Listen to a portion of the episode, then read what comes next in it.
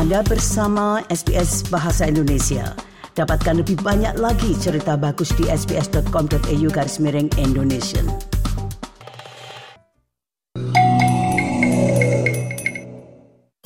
SBS SBS SBS SBS SBS Radio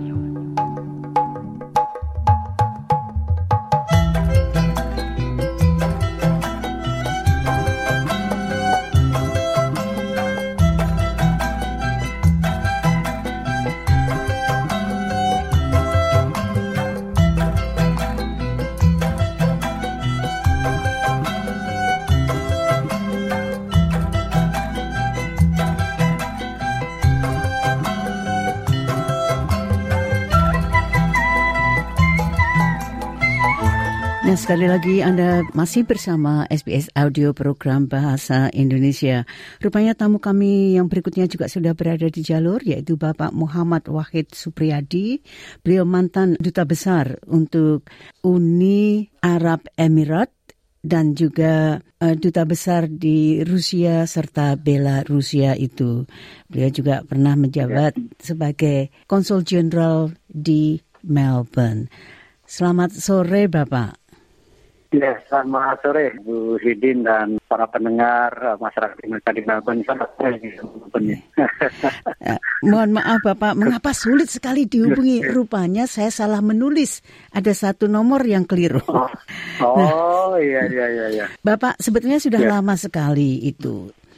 Dan saya mempunyai buku yang Bapak tulis yang berjudul Diplomasi Ringan dan Lucu Kisah Oh. Nyata ini. Ah, iya, iya. Sebetulnya juga sudah Iya, lama, iya. tetapi baru saja itu kembali saya temukan. Saya berpikir saya pernah Ah, membeli buku itu. Iya, iya. Tapi ke mana? Mhm. Jadi Bapak saya tahu dalam buku ini memang ada tiga penugasan yang Bapak ceritakan ibaratnya Mhm. yaitu penugasan di Australia, penugasan di Uni Arab Emirat Emirat dan Arab. juga di Rusia serta Belarus itu. Nah, Bapak sekarang Ya. saya ingin satu persatu karena dibahas satu apa satu jam pun buku ini tidak akan selesai.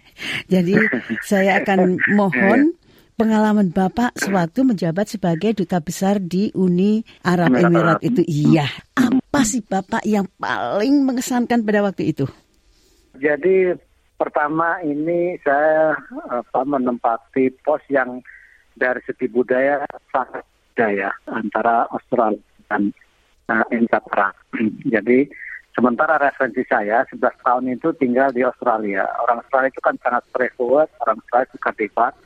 Dan kalau kita bisa meyakinkan, mereka juga appreciate kita gitu lah. Jadi memang kelihatannya garang ya, terutama media. Tapi sebenarnya kan karena ketidaktahuan kadang-kadang uh, bukan salah mereka. Jadi kita harus menjelaskan dengan dengan bahasa mereka juga, jangan berbohong gitu ya. Jadi saya learn lot from Australia.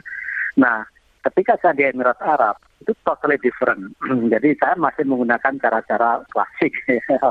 Jadi saya undanglah uh, seorang Kementerian Penerangan karena ini kolega saya, saya perlu banyak uh, bantuan. Nah, saya undang di satu hari jam setengah satu. Nah, dalam budaya Barat kan 12.15 saya datang.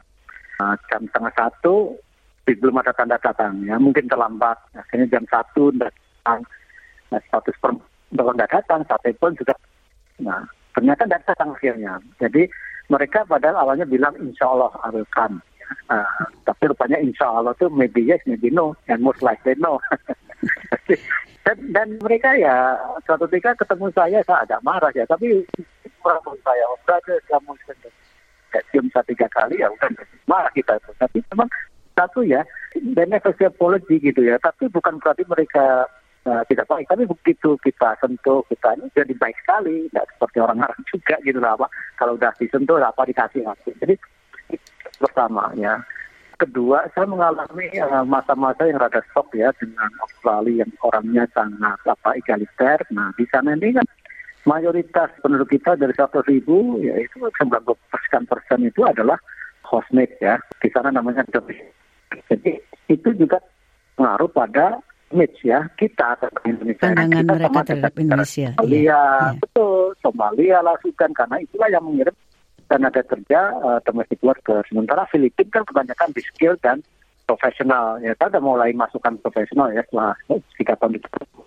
Jadi apa ya, efek kita itu itulah ya saya melihat Sudan. Jadi uh, suatu ketika waktu saya pertama kali datang ke suatu acara yang dihadiri oleh Perdana Menteri kan dubes VVIP dan sebelah kanan row 1, 2, 3 row kiri itu tengah itu keluarga presiden ya ya nah ketika saya datang kok sudah ada yang empati termasuk orang lokal saya tanya protokol di mana saya duduk who you saya bilang ambasador Indonesia oh you find somewhere else oh, saya ini VVIP saya bilang kalau saya tidak duduk di situ saya pulang saya besok komplain Sebagian diambilnya ke kursi gitu. So, tapi berikutnya begitu lihat saya, please sit there gitu. Jadi akhirnya Island Lord ya mulai saya belajar juga di sana. Jadi suatu ketika ini yang sangat mengesankan, saya diundang balapan onta. Dan ternyata di situ satu-satunya dubes yang hadir itu saya. Mungkin yang lain udah jenuh gitu karena saya baru ya saya datang ini. Saya yang dubes yang datang lainnya itu mirip wakilnya atau junior. Nah, saya lihat itu ada onta lari, terus di belakangnya itu ada Jeep Lexus ya. Jadi saya bingung, ini yang balapan onta atau Lexus gitu. nah ternyata ontanya itu pakai ini, uh, Bu Sri, pakai jokinya, joki apa robot gitu loh, karena memang dilarang. Karena belum ada Pakistan dilatih di gurun pasir untuk balapan onta. Nah, karena PBB melarang, terus dikembalikan, nah dipakai dengan uh, robot. Nah, jadi yang di Lexus itu satu itu satu pakai pegang remote kan. Semakin muternya kenceng, makin kenceng nih. Terpikir, wah ini kok seninya di mana? Tapi oke lah, saya mereka. Nah, pada waktu mau menyerahkan trofi, saya dipanggil oleh Syekh Hamid ya, kalau salah. Dia itu Chairman Emirates Heritage Club. Nah di Emirates itu kalau Syah itu, saya lebih dari menteri, apa sih menterinya yeah. saya. Nah dia Emirates Heritage Club. Nah saya pernah melihat namanya Abu Dhabi Theater, gedung sangat mewah. Kalau ini kita bisa tampil di sini luar biasa, tapi saya punya duit gitu. Nah akhirnya begitu saya lihat Jerman dari Club, dia yang menguasai seluruh gedung-gedung di seluruh Emirat. Saya nulis surat, saya mau menampilkan di sana, apa bisa dibantu. Langsung dia perintahkan CEO-nya, ambasador juga, untuk nelpon saya, ambasador datang ke kantor saya. Kenapa? Pokoknya saya sudah setuju apa yang Anda minta. Saya tanya berapa artis 24 ya. Oke, 24 kamar cukup cukup ya dengan makan. Oke. Terus kamu punya mungkin enggak enggak wah, bis semua ada center tak isinya sound system security semua ditanggung. What else? Waduh saya udah bisa ngomong. Jadi saya tidak kontak uh, Kementerian Pariwisata. Mereka pokoknya kalau semua ditanggung mereka berangkat. Dan saya minta tolong tampilkan setelah artis-artis yang ya, dari Bandung itu ya, ya, ya. tinggi gitu. nah karena when they heard about Indonesia, oh my pembantu Indonesian gitu loh. Yeah. Nah akhirnya kan begitu tampil, wah mereka ya, wah ternyata gemerlap juga ya. Dan banyak orang lokal, mengundang orang lokal itu tidak mudah. Jadi teman-teman dubes ASEAN itu sampai kok bisa mengundang orang lokal, ya saya ya saya tidak ceritakan ya guru saya, tapi ya saya banyak pendekatan-pendekatan, catatan gitu ya, datang mereka. Nah kemudian juga mulai saya kenalkan gamelan, sampai ada ada sekolah anaknya seks-seks minta workshop gamelan. Padahal itu senior-senior saya selalu bilang kalau di Timur Tengah jangan sampaikan gamelan, jangan sampaikan wayang. Loh, kenapa? Karena itu asosiasinya dengan itu ah enggak kan itu the most complete traditional orchestra in the world saya bilang. Iya. Bandingkan yeah. dengan Cina, India, eh, Korea, Cina, Jepang, kita ini 40 orang bisa main no, orkestra. Sebenarnya begitu saya tampilkan di Dubai Global Village, waktu itu Pak Jokowi tantang untuk memamerkan furniturnya ya, mereka jadi selama ini gamelan tidak pernah keluar dari MC. Jadi itu untuk pertama kali ya Bapak ya? Itu untuk baru pertama kali. Jadi iya. akhirnya, nah akhirnya saya diundang ke mana-mana sampai akhirnya sekolah-sekolah elit itu mengundang kita ke workshop. Dan ternyata mereka nyoba gamelan, gamelan itu bisa gampang. Misalnya ya, bisa Pak Budana waktu itu 15 menit orang Tapi bisa juga advance sampai belasan tahun orang belajar gamelan. Itulah hebatnya gamelan gitu. Mak dan gamelan makin pelan makin susah. Kayak tari Jawa itu kan. makin Jawa makin pelan makin susah itu. Seperti iya kan. Dan Se itu ternyata saya praktekkan di Rusia ya. Orang kan melihat Rusia, oh komunis, oh Soviet. Ternyata mereka ini budayanya sangat dan mereka cepat sekali. Bahkan saya akhirnya mendirikan grup tari. Uh, saya, apa, saya rekrut seorang local star yang bisa gamel, nari uh, dan mengajar tari. Sekarang ya Bu Sri mereka diundang ke mana-mana itu saya berapa kali diundang di luar kota untuk bawa gamelan. Dan bahkan pernah uh, ada sekolah mode ya sekolah fashion. Dan minta ambassador bisa enggak? So, tapi diiringi musik gamelan. Waduh, saya bingung nih di Indonesia aja gak pernah gitu. Oh, sebetulnya Nah, sekarang gurunya sudah, itu- Bapak. Sek- Iya, iya, sudah iya, ya. iya, Tapi iya. dulu belum ada itu. Jadi, Ini akhirnya eh, sekolah itu akhirnya saya tanya sama ya gurunya, oh bisa pak kita atur akhirnya bikin desain sendiri khusus untuk menampilkan fashion show. Nah ini yang pertama kali saya kira dilakukan itu. Iya. Bapak memang Jadi fokus saya memang banyak sebenarnya pendekatan budaya itu dan Iya, our strength, iya. our culture sebenarnya juga. Ya. Ya, jadi Ya. se- saya tadi mau mengatakan memang terutama ini terutama waktu di UAE itu Bapak karena memang kita fokusnya ke UAE untuk saat ini Bapak. Jadi Ya, ya. yang ke UAE itu memang pendekatan budaya itu sangat sebetulnya eh, waktu saya membaca tulisan-tulisan Bapak ini terlihat sekali Pak itu memang sangat ditonjolkan. Nah, Bapak yang menarik ini tadi Bapak sudah menyebutkan ini bahwa Pak Jokowi ikut apa pada waktu itu masih wali kota ya Bapak ya Pameran. ikut Iya, iya, pameran. Ya, tapi Bapak waktu saya membaca terus saya bilang gini, ah, wah ini Pak Wahid bohong ini, bohong ini. Hmm. Ya, saya, ya. saya mengatakan begitu. tapi Iya. hmm, sebenarnya ini bukan bukan kebohongan 100%, tapi kan white lies kan begitu Iya. kan Bapak. Jadi bagaimana waktu itu Bapak apa mendobrak Pak Jokowi untuk membuat itu apa Ya. gasibu-gasibu itu Iya. dalam waktu sangat dekat itu bagaimana caranya waktu itu Bapak? Jadi, Dengan eh, white waktu lie tadi itu kan? kebetulan ya ya waktu itu saya bisa mendapat itu Dubai Global Village itu pameran selama tiga bulan gede banget ya berapa berapa hektar ya saya puluhan hektar itu. Dan itu tiga bulan. Nah saya punya bisa mengamankan 140 meter persegi sudah saya isi semua dengan apa dengan produk UMKM tapi tidak ada kayak atap-atap itu loh ya sementara embassy kan terbatas. Nah saya waktu itu berkunjung ke wali kota eh, ke Solo So- sama hampir iya. ke Pak Jokowi sama beliau eh, punya produk bagus ya andalan itu adalah kayu dan saya lihat sendiri. Saya ada belum dikit gitu Pak. Saya lagi dapat slot Dubai Global Village dan tema kita tuh kayu ya. Waktu itu saya terus ada saya bohong gitu. Eh, nah terus gimana Mas? Said Bapak taruh aja gasibu sama rumah kayu Pak. Nah pada itu maksud saya itu apa? Gas bisa untuk nutupin ini ya produk UMKM gitu di bawahnya tapi ternyata Pak Jokowi sendiri surprise. Kenapa? Dalam dua minggu semua yang ada di situ sold out, sold out, Mas. Nah, cuman waktu itu kan mau dipindahkan, dia kan saya sarannya saya nggak bisa, ini harus selesai dulu. Nah, ke rumahmu, karena ini untuk ini. Kan mereka tahu, mereka tahu. Nah, di situlah akhirnya Pak Jokowi mendirikan perusahaan di sana, dan izin cuma tiga jam. Makanya beliau itu kalau di Indonesia kan Wah, Bisa, minta maunya iya. izin investasi tiga jam selesai gitu dan tidak terjadi di kita karena birokrasi jelimet ya saya orang birokrat dua dan jelimet benar gitu. Nah, makanya beliau ada pesanan eh, di sebuah kota kecil dekat pantai namanya Gantut ya itu dekat Kabupaten Dubai untuk membuat satu apa ya cafe shop tiga tingkat semua dari kayu dan dia bawa tukang dari Solo dan itu bagus sekali. Nah Tapi- itulah mulai beliau paham dengan Emirat itu ya. Ya. tapi, tapi tadinya ada kebohongan kecil kan Bapak ya kan wah ini untuk Bapak Iya, saja iya, Kak. Iya. saya berjuang waktu itu ya saya cari-cari saya bilang temanya kayu nih bapak saya juga saya lagi nyari gimana caranya nih ada atap-atap ini dapat untung juga kan jadi kan nggak komplain ke saya Sa- saya tertawa itu Iya, iya. saya tertawa Iya, iya. terpengkal-pengkal itu waktu membaca Iya, itu iya. Bapak makanya itu ada cerita lucu juga kan Jawa Tengah banyak juga iya iya iya nah Bapak memang serius juga ya kelihatannya waktu penugasan Bapak di sana itu Bapak memang betul-betul sangat dihormati begitu Bapak. Sangat di apa? dikedepankan lah oleh Uni Arab Emirat itu sendiri Iya. karena seperti pada waktu di Abu Dhabi Theater itu kan setelah Indonesia mengadakan Filipina minta pun itu kan eh, tidak semuanya diberikan Iya. kan? Bukan seperti oh what Iya. do you want ambassador?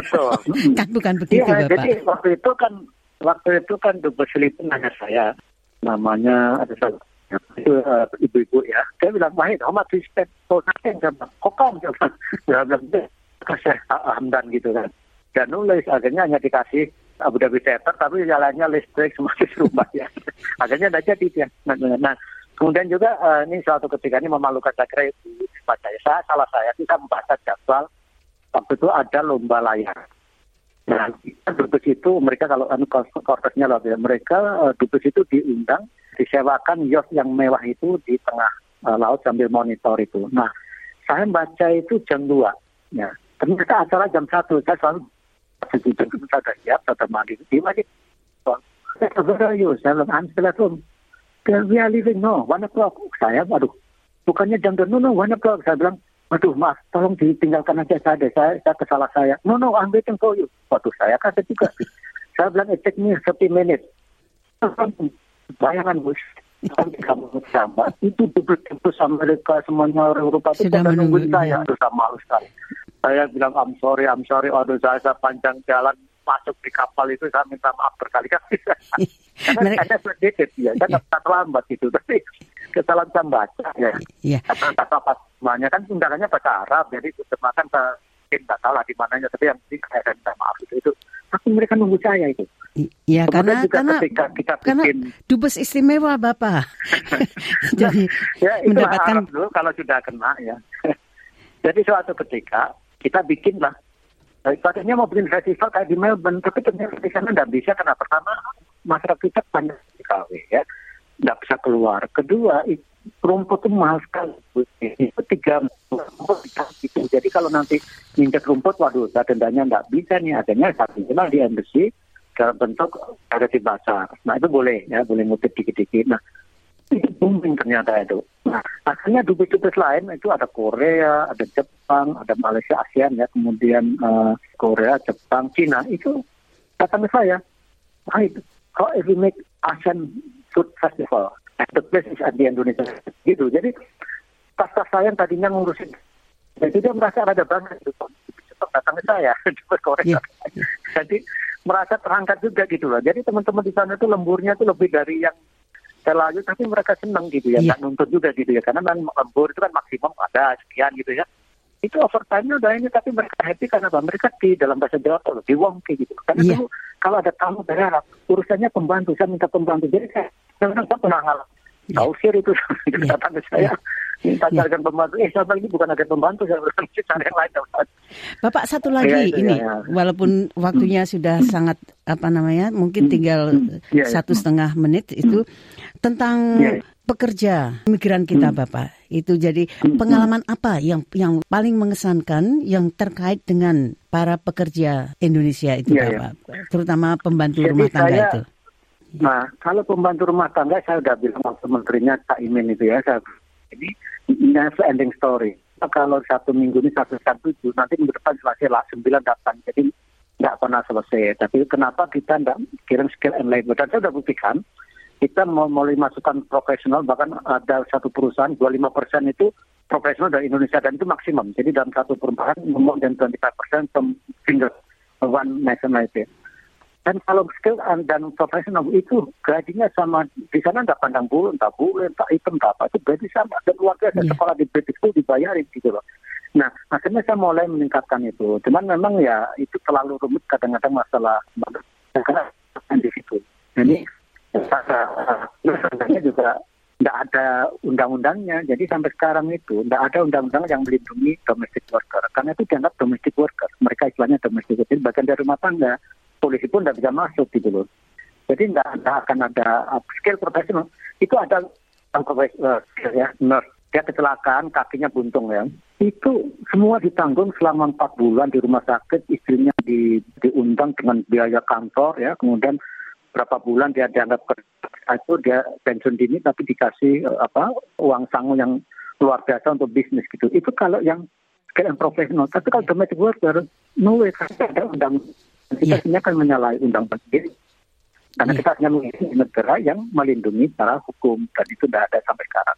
Bapak itu memang nanti saya ingin mengangkatnya tersendiri itu pada satu kesempatan yang akan datang karena banyak sekali hal-hal yang Iya, lucu iya. juga itu aneh-aneh kalau saya mengatakan itu dengan Betul, para betul. TKW kita itu. Bapak Muhammad Wahid Supriyadi terima kasih sekali yang sudah berbagi pengalaman Bapak. Selamat sore. Ya, sama-sama Bu Din. SBS. SBS. SBS. SBS. SBS SBS Radio.